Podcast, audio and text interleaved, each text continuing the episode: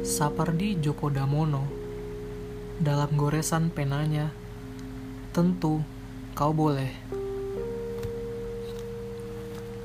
Tentu kau boleh saja masuk. Masih ada ruang di sela-sela butir darahku.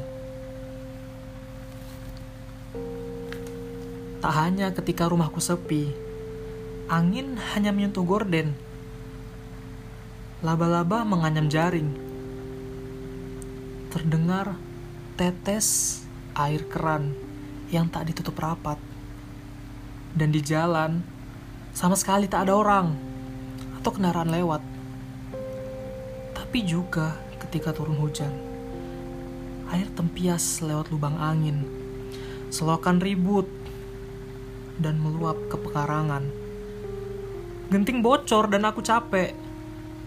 Menggulung kasur dan mengepel lantai.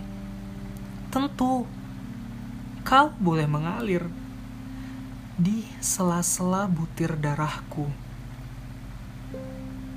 Keluar masuk dinding-dinding jantungku. Menyapa setiap sel tubuhku.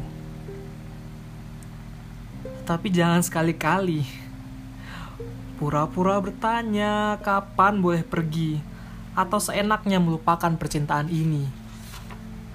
Sampai huruf terakhir sajak ini.